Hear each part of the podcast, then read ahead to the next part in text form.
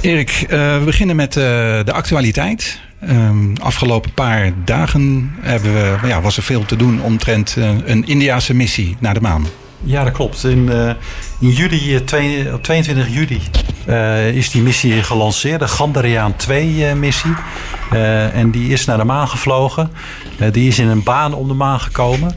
En ze hebben uh, vorige week die, de lander losgelaten om daadwerkelijk op de maan uh, te landen. Uh, alleen ja, 2,1 kilometer voor het maanoppervlak is eigenlijk het contact verbroken met het ding. en ja, we weten niet wat er precies gebeurd is. Al, ja, ze zeggen dat ze hem gezien hebben op het oppervlak. Dus ja. hij is wel ergens op, de, op het maanoppervlak aangekomen. In welke staat dat is, is nog onbekend. Of dat is helemaal uit elkaar gespat natuurlijk. Of hij staat daar uh, te wachten op verdere commando's. Uh, niemand die het weet. Nee. En er, er was, uh, tenminste, ik zag nog een tweet van jou vrijdagavond van, of vrijdag overdag van vanavond kijken naar. dat, is, dat was vrijdagavond. Vrijdagavond, ja, klopt. Moest gaan, ja. gaan landen. En jij hebt het gevolgd ook op internet, hè? Ja, op internet was het heel goed te volgen. Er was een live feed van, vanuit India, van ISRO, de Indische ruimtevaartagentschap. En je kon alles fantastisch uh, volgen. En je zag ook op een gegeven moment dat uh, was een plaatje op het scherm dat je die, die, de, de, de hoogte van die lander zag als functie van de tijd.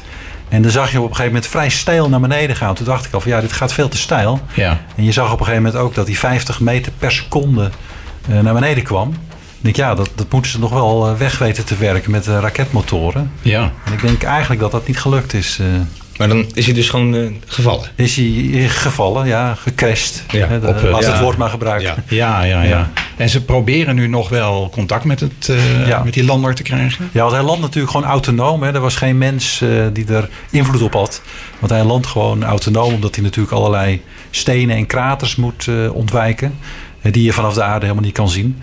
dus dat ding is gewoon autonoom geland. Dus ja, ja, hij zou maar zomaar eens toch eh, kunnen, geland kunnen zijn. Terwijl misschien de telecommunicatie is uitgevallen. Ja, ze, ze blijven het gewoon proberen. En dan via die. Uh, want het, om de maan zelf draait dus die. Um, hoe heet dat ding? Orbiter? Ja, de Orbiter die, die kan contact opnemen met dat, uh, met dat ding. En dat hebben ze al een paar keer geprobeerd. Het is niet gelukt. Ja, dat, dat blijven ze gewoon nog, uh, nog een paar keer proberen. Ze hebben dus wel blijkbaar een foto gemaakt waarop iets te zien is. alleen die, ik heb zelf die foto nog niet, niet gevonden, nog niet gezien. Uh, maar ja, ik denk ergens de komende weken komt er iets uh, naar boven van oké, dat, dat is het. En ik ben toch bang dat het, uh, dat het een, een kleine krater is waar die, die ja, zelf gemaakt heeft. Die die gemaakt heeft, ja. ja. Jij vertelde trouwens nog toen wij voorspraken dat jij toen destijds, tien jaar geleden, toen dit project begon, nog ja. geprobeerd hebt om ook iets mee te krijgen hè, met die, ja, dat klopt. mee te sturen met die maan. Ja, toen werkte ik nog bij, bij TNO op de ruimtevaartafdeling. En toen hadden we daar een, een soort instrument waarmee je maanonderzoek kon gaan doen. En toen hebben we ook contact gezocht met, uh, met het Indi Indiaanse team uh, om te kijken of we ons instrument mee konden krijgen. Uiteindelijk werd het natuurlijk een, een geldissue. Hè. Daar, moet, daar moet je geld voor betalen. Hoopten we bij de Nederlandse overheid vandaan te krijgen. Is niet gelukt. Maar goed, dat is dus tien jaar geleden. En dan zie je hoe lang so sommige dingen duren. Dat nu pas dat ze die, die missie daadwerkelijk uitvoeren. Dus, en ja. nu ben je eigenlijk alleen maar blij dat ja, het, nou ja, ja. Tenminste, ja. Relatief. Ja, ja, ja. ja. Hey, dan hebben we een, een ander onderwerp. Uh, de, de, de veelbesproken Donald Trump. Ja, Donald Trump die had een, die heeft een bericht zeer, gestuurd, een tweet. zeer nou. interessante tweet. Uh, en, en, niet voor de, voor, de, voor de algemene leek, maar echt voor de, voor de satellietliefhebbers. Op 30 augustus liet hij een foto zien van een uh, ja, soort, soort lanceerplatform in Iran. Ja. en iedereen weet in de, in de satellietwereld dat daar Iran wilde een satelliet in de ruimte brengen met een Safir raket. Ja. En ja, goed, andere mensen zeggen: oké, okay, dat is geen echte raket om iets in de ruimte te brengen. Dat Want is wat, een... wat is een Safir? Ik zeg wel ja, maar wat is een Safir? Nou, dat is een soort uh, een raket van, uh, ik, ik, denk 30 meter hoog ongeveer. En daar kun je dus iets mee in de ruimte brengen. Maar iedereen zegt natuurlijk ook: ja, daar kan Iran ook een bom op Israël mee sturen. Dus ja. hè, dat is altijd de vraag. Maar ik denk zelf dat ze echt uh, van plan waren om een satelliet in de ruimte te brengen. Maar Donald Trump, die, die, die heeft dus een, een foto op Twitter gezet dat je ziet die lanceerplatform en dat die raket op zijn zij ligt en dat eigenlijk een grote ontploffing is geweest, dat dat ja, uh, mislukt is, die lancering. Uh, alleen als je goed naar die foto gaat kijken, dan ga je denken, waar komt die foto vandaan? En met wat, ja, met wat rekenwerk kom je erachter dat die gemaakt is door een Amerikaanse spionagesatelliet, waarvan tot nu toe niemand wist wat de uh, capability was van dat ding. En dat weten we nu. Ja. Hè, het ding kan eh, als hij recht boven je vliegt met een resolutie van 6 centimeter, eh, ja, iedereen in de gaten houden. Dan kun je een, een, een, een, luciferdoosje ongeveer in het gras Ja. mee zien liggen. Precies, dus dat, dat, dat hebben de Amerikanen hangen en dat is super classified. En als zeg maar een gewone burger die aan, dat, aan die satelliet zou werken, als die dat zou, zou posten, ja, dan, dan, dan belandt hij de gevangenis en dan zit hij eh, de rest van zijn leven in de gevangenis. Maar ja, Donald Trump die staat boven de wet. Dat zegt hij ook zelf. Van, ja, hij mag dat doen, want hij mag dingen wil. declassifyen als president. Dus ja, hier eh, mensen, dit is de foto. eh. Maar ja, als, dan, als, als jij president eh, van de VS was, zou je dat toch niet doen, als ik jou goed Nee. begrijp. Maar wat, dat, dat heb hij gewoon getwitterd of zo? Dat heeft hij gewoon getwitterd, ja. ja en je ziet ook die foto.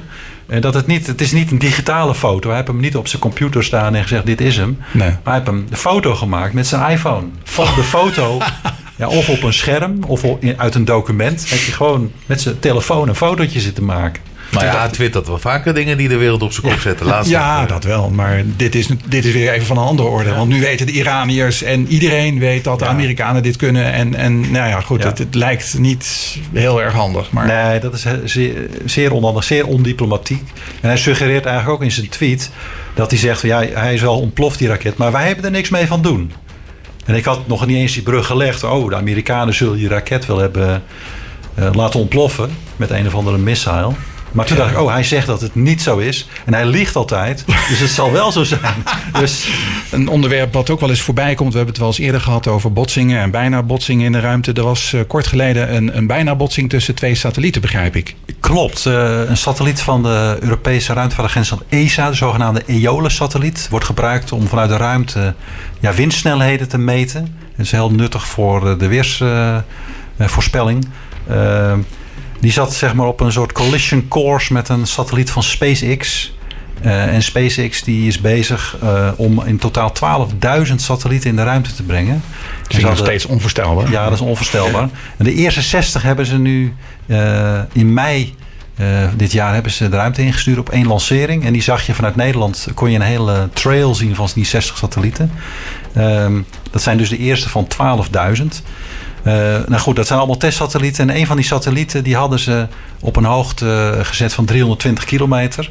En ze willen daarmee laten zien dat ze die satelliet heel gecontroleerd in de dampkring van de aarde terug kunnen brengen. Ja. Alleen, ja, wat wil het geval? Die, die hoogte is ook precies de hoogte van die eh Eolus-satelliet. Die windmeetsatelliet van ESA. En op een gegeven moment was het het geval dat die ja, op een soort eh, botsingskoers zaten. En dat de kans eh, in, eerste, in eerste instantie was 1 op 50.000 dat, dat ze zouden gaan botsen. Een paar dagen voordat het zou plaatsvinden. Ja, dan is er nog niet veel aan de hand. Maar op een gegeven moment werd die kans 1 op 10.000. En toen is ESA echt aan de bel gaan trekken. Zo van, hé, wat, we, we moeten iets doen. Want als het een, kleiner, een kleinere kans dan 1 op 10.000 wordt... dan moeten we echt iets gaan ondernemen. Alleen, ja, toen kregen ze dus geen contact met SpaceX...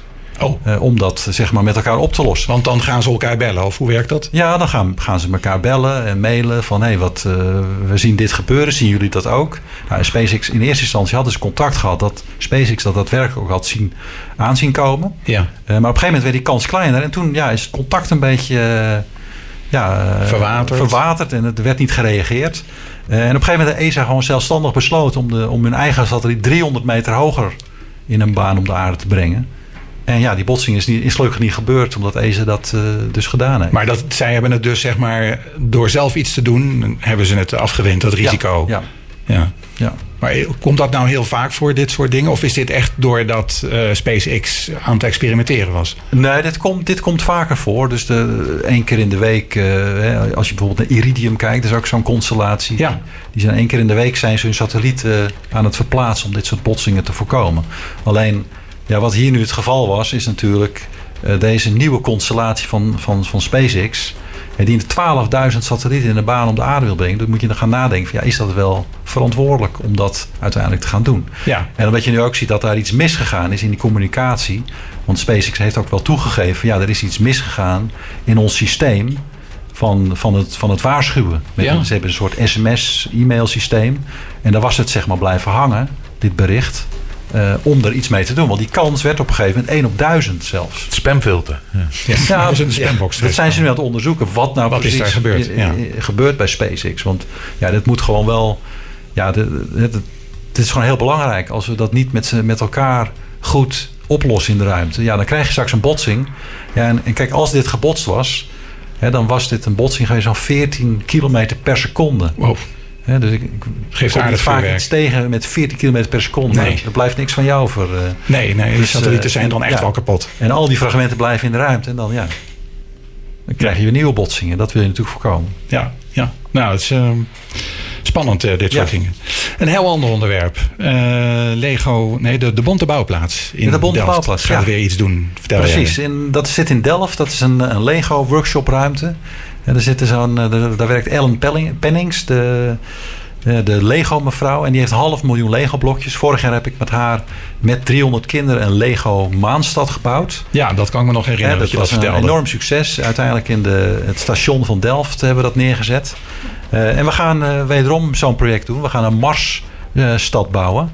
En we gaan ook allerlei workshops organiseren. Niet alleen voor kinderen, maar ook, ook voor bedrijven. We gaan allerlei trainingen gaan we, willen we gaan doen voor bedrijven om met Lego en met ruimtevaart eh, dingen te doen. Want je kunt heel leuk eh, met Lego allerlei teambuilding activiteiten doen. En met ruimtevaart kun je dat ook doen. Want voor bijvoorbeeld het Apollo-programma is heel veel te leren over management. Wat er allemaal is fout gegaan, hoe ze daar zijn, van zijn teruggekomen. En daar vallen hele belangrijke managementlessen uit te halen. Dus dat willen we graag combineren in een, in een workshop met Lego en ruimtevaart. Want dat is dan ook een beetje eh, bedoeld om een, om, om een team, mensen die met een team uitje iets willen doen, om die ook wat te leren over hoe ga je om, hè, hoe zet je zoiets op en, Ja, en wat doe je als het niet precies. lukt. En, ja. ja, het is wel weer eens wat anders dan paintballen of uh, lasergamen. Ja, hey, En waar worden die workshops gegeven? Dat is bij de Bonte Bouwplaats. Dat is aan het Oosteinde in Delft. eh, Vlakbij de, vlakbij de Beestenmarkt. En op 27 oktober hebben we dan al de eerste workshop. En dat is dan speciaal voor eh, ouders met hun kinderen. Oké. eh, die dat komen doen. En eh, een week later, 1 november, is ook de dag van de techniek. En dan komt een hele schoolklas langs om, om dit te gaan doen. En ja, je kunt, je, je kunt er al meer over lezen op de website van de Bonte Bouwplaats. Dus dat is debontebouwplaats.nl slash Lego minteken space. En dan kun je er alles over, over lezen, over deze nieuwe workshops. Ja, en ik kan, me voor als je gewoon ook naar die website gaat, dan vind je waarschijnlijk wel ergens een button en dan je, Ja. vind je alles over die workshops. En eh, die worden dan ook in Delft gegeven, zeg maar. In daar Delft, waar, ja, eh, ja. Oh, leuk. Heb jij het zelf al eh, geprobeerd om een Nou ja, we zijn het nu, nu aan het bedenken. Dus ja, dat wordt heel erg, heel erg leuk. Dus een heleboel ja, connecties tussen Lego en ruimtevaart. Dus dat is, er zijn allerlei Mars-rovers. Eh, die echt officiële sets zijn van Lego. Oh ja. Hè, die heel natuurgetrouw eh, die rovers hebben nagebouwd. Dus dat is. eh, Maar ja, heb, je dan, heel- heb je dan een soort eh, hulpmiddel om dat model zeg maar weer eh, ja, te kunnen namaken in Lego? Ja, je hebt allerlei bouwtekeningen natuurlijk. Dus eh, ja, ik heb thuis bijvoorbeeld ook de Saturnus 5 raket van Lego. Dat is een ding van eh, echt een meter, meter Ja. lang. Hè, daar ben ik eh, al vijf, vijf avonden heb ik eh, bezig geweest om dat ding te bouwen. Maar je kunt hem dus ook in twee uur bouwen. Als je een team hebt van tien man, dan kun je dat ding in principe in twee uur bouwen. Nou, dus dat, is een de uitdaging. Ja. voor, voor, eh, voor een team van mensen. Dat kan. De tijdsdruk is hier. Nu, nu bouwen. Doe je best. Ja. Ja. Oh, leuk. Nou, dat, eh, ik onthoud hem. Als ik eens een keer met een team eh, iets moet doen, dan is, vind ik dit een hele leuke. Ja. Dus, oké. Erik, ja, de, de tijd die vliegt altijd als we het over dit onderwerp hebben. Dus ja, dankjewel Ja. voor je komst. Tot de En, volgende keer. Ja, laten we snel weer afspreken. Tot, tot de volgende keer. Dankjewel.